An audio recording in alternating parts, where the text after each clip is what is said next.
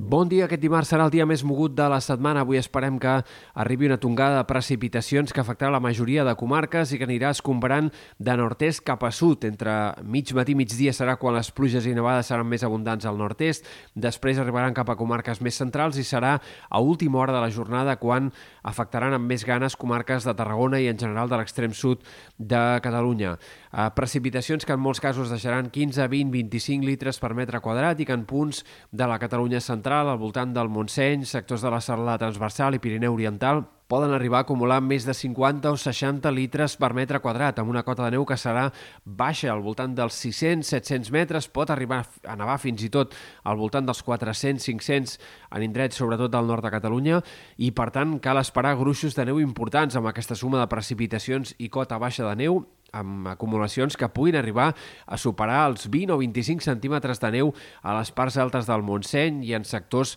alts també de la Catalunya central i de la serrada transversal. Per tant, atents a aquestes nevades força abundants en cotes baixes, en indrets fora del Pirineu, encara que no siguin doncs, en capitals de comarca, sinó més aviat en punts elevats de tots aquests indrets. El Meteocat té actiu un avís de perill alt per neu en diverses comarques del nord-est, la Selva, el Vallès Oriental, la Garrotxa, el Ripollès, per acumulacions de neu que poden superar els 10 centímetres a partir dels 800 metres, i també avui hem d'estar molt pendents del vent i del temporal marítim, un vent que seguirà bufant amb ratxes de 50-60 km per hora en molts sectors de la costa i eh, del prelitoral i això provocarà una situació de molt mala mar amb onades que tornaran a superar els 4-5 metres al llarg de la tarda d'avui. Per tant, situació encara pitjor que la d'ahir a la tarda pel que fa a l'estat de la mar, però aquest temporal més aviat serà curt, com ho serà també la tongada de precipitacions. De cara a demà i dijous hem d'esperar encara un dia molt variable, segurament amb més núvols que clarianes, però ja amb precipitacions molt més tímides.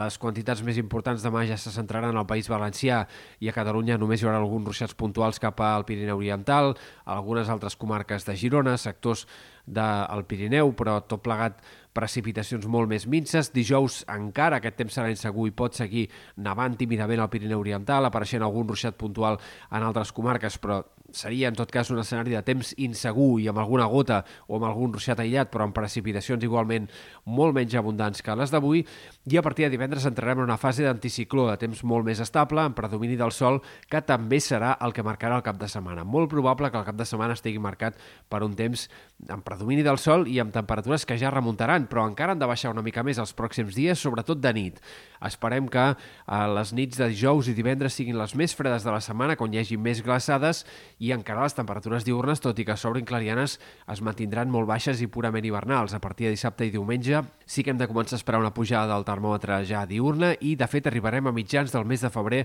amb temperatures més de març que de febrer. Per tant, amb valors que es recuperaran de forma clara a partir de diumenge i de cara a la primera part de la setmana que ve.